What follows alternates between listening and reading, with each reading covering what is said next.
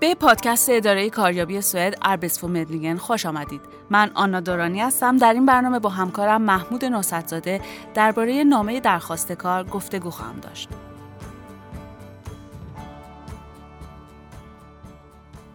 نامه درخواست کار و رزومه یعنی پشون لیبره و سیوه می‌تونه بلیت شما برای رفتن به مصاحبه کاری باشه. برای همین بسیار مهمه که نامه درخواست کاریتون رو طوری بنویسید که به خوبی توجه کارفرما رو به خود جلب کنه. به همین خاطر امروز با همکارم محمود نوستزاده گفتگو خواهم داشت درباره مختصات یک نامه خوب درخواست کار. سلام محمود خوش اومدید سلام آنا مرسی. محمود چرا باید هم نامه درخواست کار رو فرستاد و هم سیوی فرقشون چیه؟ خب آنا سیوی بیشتر راجع به تجربیات کاری و شغلیتان است و رو به گذشته داره. نامه درخواست کارم درباره شماست و علت تقاضای کار توسط شما و رو به آینده داره. اینا رو در واقع اینا در واقع همدیگر رو کامل می‌کنن و با هم یک تصویر خوبی از شما به کارفرما میدن. برای همین بهتره که هر دوتا رو با هم فرستاد. بسیار. پس این دوتا مکمل هم هستن. به سوئدی به نامه درخواست کار میگن پشونلیگ بریو یعنی نامه شخصی. ولی واقعا این نامه چقدر بر شخصی باشه؟ بله درست این اسم می‌تونه آدم رو دوچار اشتباه کنه. ولی در نامه درخواست کار نباید به مسائل شخصی زندگی ما بپردازیم. اگر دانستن آن واقعا برای کارفرما مهم نباشه.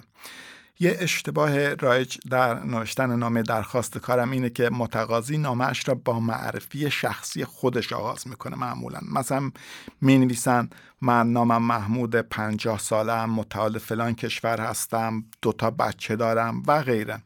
یعنی این مسائلی است که اصلا لازم نیست نوشته بشه و می‌تونه در همان لحظه اول نظر کارفرما یا مدیر امور استخدامی رو نسبت به شما منفی کنه. خب پس نامه رو چجوری باید شروع کرد؟ خب این سوال خوبیه. نامه رو باید با مسئله اصلی آغاز کرد. یعنی باید روی نکاتی تمرکز کنیم که برای این کار و برای این شرکت مهم باشه.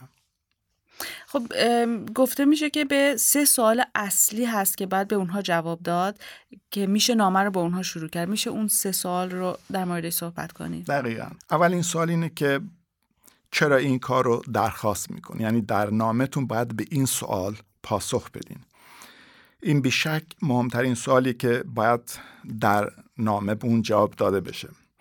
کسی که نامه شما رو می‌خونه می‌خواد بدونه چرا این شغل رو انتخاب کردین و چرا باید اون شما رو بین این همه افراد متقاضی انتخاب کنه. پس شما باید با توجه به مهارت ها و توانمندی هایت در همان آغاز نامه توضیح بدی که به چه دلیل و یا دلایلی شما مناسب ترین گزینه هستین برای اونا. سوال دومی که باید جواب بدین اینه که به طور مشخص چه چی چیزی بلدی که می‌تونه به درد این کار و این کارفرما و شرکت بخوره؟ شما خب به احتمال زیاد توانمندی و مهارت های زیادی داریم ولی اون دسته از مهارت ها رو بعد بنویسین که مناسب این کار باشه. سوال سوم هم که باید جواب بدین اینه که شما چه کسی هستین و اینجا منظور از کس در واقع از خود حرفی تان هست. یا د پروفیشنل یا که به سوئدی گفته میشه. نه در واقع شخص شما در محیط خانه شخص شما در محیط کار. مثلا یه همکار چه نوع همکاری هستین؟ آیا از اون نوع همکاری هستین که همه به شما مراجعه می‌کنن برای توضیح مسائل یا میان از شما سوال می‌پرسن و یا کسی هستین که در شرایط بحرانی معمولا سکان کار رو به دست می‌گیرین. یعنی بیشتر درباره همونطوری گفتم خود حرفه شما.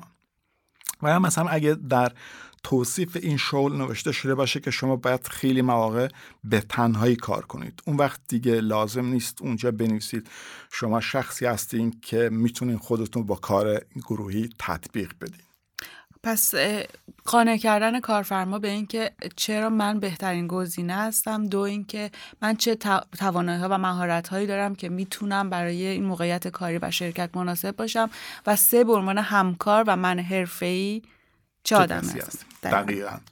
بسیار عالی. پس برای اینکه بتونیم به این سوالا جواب مناسبی بدیم چه باید کرد؟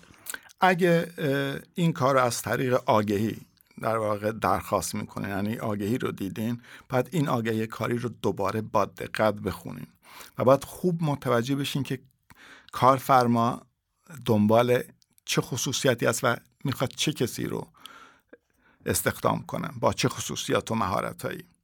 باید کمی هم درباره این فرصت شغلی و این شرکت تحقیق کنین. از در واقع راه های مختلف میشه تحقیق کرد. یعنی هر چقدر اطلاعاتتون در این مورد بیشتر باشه بهتر می‌تونین به این سوالت جواب بدین. شاید هم از طریق آگهی این شغل رو در واقع درخواست نمی‌کنین. یه کسی شما رو معرفی کرده باشه و یا همینطوری رفتین در واقع این کار رو تقاضا کردین. اون وقت اگر کسی رو می‌شناسین تو این محیط کار خیلی مهمه که ازش بپرسین و اطلاعات لازم رو درباره این شغل کسب کنین که و بدونین که در واقع کارفرما دنبال چه کسی است و با توجه به اون می‌تونین نامتون رو تنظیم کنین. بعضی اوقات توصیه میشه که میشه زنگ زد و از خود کارفرما یا کسی که اونجا کار می‌کنه سوال کرد. آیا این کاملا درسته. خیلی هم خوبه. میشه. اگر مثلا در رابطه با این شغل یک ابهاماتی از براتون یا فکر می‌کنین که اطلاعات کافی نیست خیلی خوبه که تماس بگیرین چه از طریق در واقع تماس تلفنی باشه یا ایمیل بفرستین و این سوالات رو مطرح کنین. در واقع شما از این طریق به کارفرمام نشون میدین که شما چقدر این کار براتون مهمه و حتما اون شما رو در نظر خواهد گرفت. یعنی در نظر داره وقت مصابم یادش خواهد اومد. خب حالا اگه کسی فاقد تجربیات شغلی باشه برای جمعآوری مهارت ها و توانایی هاش چه چیزایی رو باید بنویسه؟ درسته. اگه تجربه کار کردن نداشته باشه کسی اون وقت خب می‌تونه از علاقهش به این شغل بنویسه. و حتما هم هر کسی یک سری توانمندی ها و مهارت هایی داره که از راه گوناگون کسب کرده که می‌تونه به درد این کار بخوره. فکر کنه که کدوم توانمندی ها و مهارت ها و خصوصیات رو داره اونا رو بنویسه. خیلی وقت هم حتما از کسی آدم میشنوه که یکی تعریف می‌کنه از آدم میگه مثلا شما خیلی خلاق هستین خیلی منظم هستین با پشتکار هستین.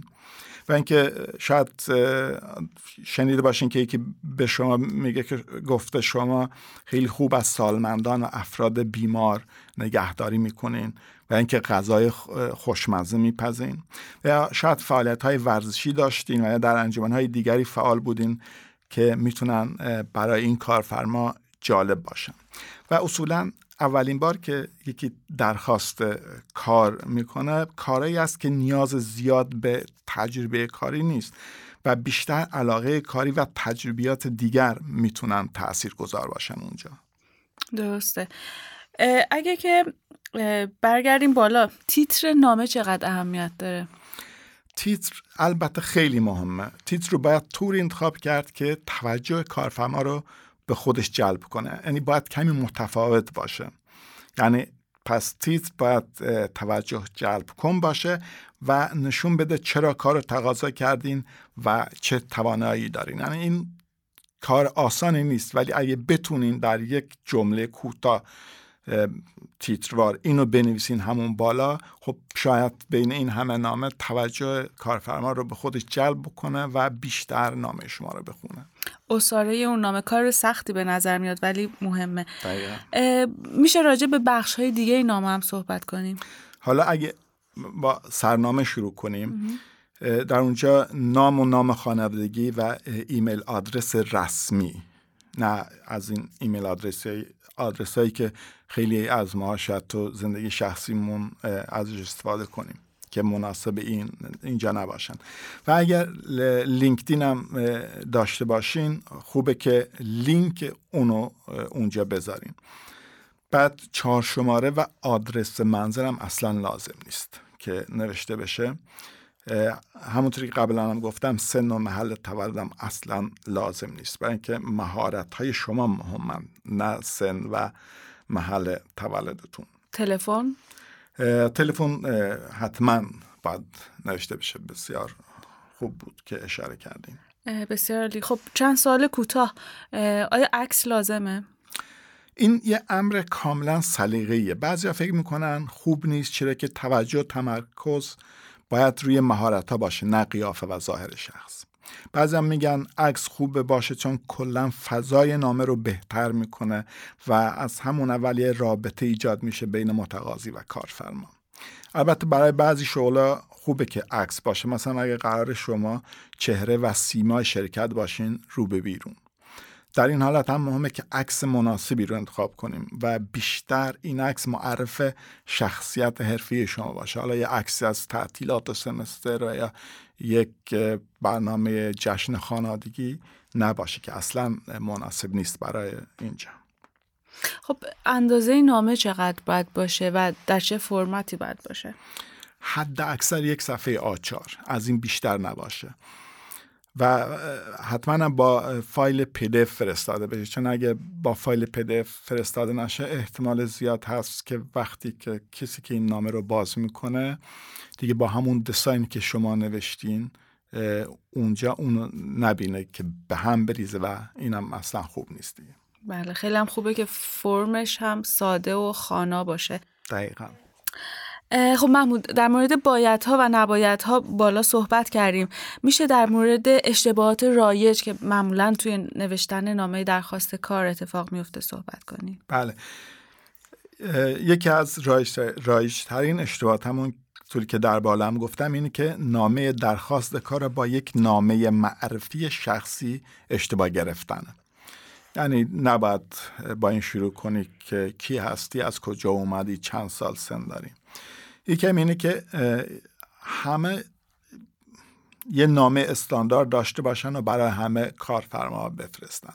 خیلی از این کار رو می‌کنن. یه نامه دارن این نامه رو برای همه میفرستن.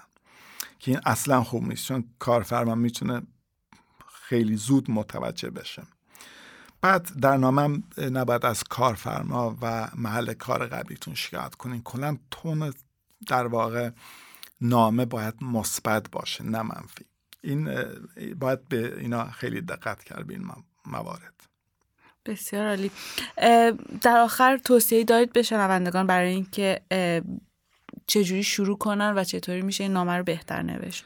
توصیه که البته چند تا توصیه دارم که تیتروار میگم یکی اینکه نامه رو با کاری که درخواست می‌کنین تطبیق بدین.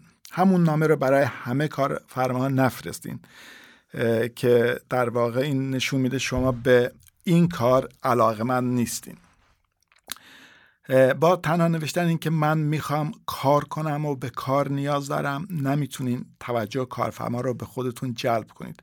کارفرما می‌خواد بدونه چرا پیش آنها در واقع درخواست کار می‌کنی. و می توانید به چه شکلی و چطوری مفید و مؤثر باشید برای شرکت و اون فرصت شغلی. توصیه دیگر من اینه که در نامه علاقه خودتون به این کار به طور خیلی مشخص نشون بدین. این می‌تونه علاقه به وظایف کاری باشه می‌تونه علاقه به برانش باشه یا به خود شرکت باشه. مثلا می‌تونیم بنویسیم که این شرکت معتبری است و کار در این شرکت می‌تونه در پیشرفت کاری و کاریر من تاثیر خیلی مثبتی داشته باشه. توصیه دیگرم اینه که در نامه روی نکات مثبت تمرکز کنید. طوری نامه رو ننویسید که در آن شک و تردید نسبت به توانایی هاتان مشهود باشه. البته این به معنای اغراق کردن نسبت به توانایی هاتان نیست. مثلا اگر در آیه کاری روی هشت مهارت و توانایی و خصوصیات فردی تاکید شده و شما فکر می‌کنید که شش از اونها شامل شما میشه روی اون شش تا مهارت و خصوصیت مانور بدین نه اون دوتایی که شما ندارین. توصیه دیگرم اینه که نامه رو به کسی بدین که هم به محتوای آن و هم به زبان و گرامر آن نگاه بندازه. چون مهمه که نامه کمی از لحاظ زبانی و گرامری هم خوب باشه. بعد نامه رو زود بفرستین و منتظر روز آخر نمانید. چون اگه شرکت شخصی باشه می‌تونه, می‌تونه این خیلی دیر باشه. چون اونا می‌تونن اولین و بهترین کس رو انتخاب کنن و منتظر نامه شما نباشن. بعد مهمه که در ایمیلی که میفرستین در خود میل هم خودتون به صورت خیلی کوتاه معرفی کنید و بنویسید که در واقع چرا این نامه درخواست کار و سیوی رو دارین میفرستین.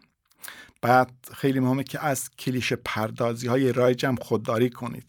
تنها ردیف کردن کلی خصوصیت مندرج در آگهی در نامتون کافی نیست. سعی کنید آن خصوصیات را با نوشتن درباره یک موقعیت یا یک تجربه کاری بنویسید. مثلا به جای اینکه بنویسید که شما مشکل استرس ندارید می‌تونید بنویسید که کار قبلی من طوری بود که من میباید سر موقع وظایفم را هر روز انجام بدم و من بدون استرس می‌رسیدم همه این کارا رو بکنم. و یا اینکه من همزمان چند تا کار را انجام می‌دادم بدون اینکه استرس بشم. بعد می‌تونید این خصوصیات مورد توجه کارفرما را در قالب یک موفقیت کاری تا هم بنویسید. فکر کنید که در چه موردی شما به خاطر موفقیت کاری پاداش گرفتید و یا دیگران خیلی از شما تعریف کردن. این توصیه من بود آنا. کمی طولانی شد ولی خب تو به نظر من این نکات مهمیه که باید بهش دقت کرد. بسیار حتما مفید واقع میشه.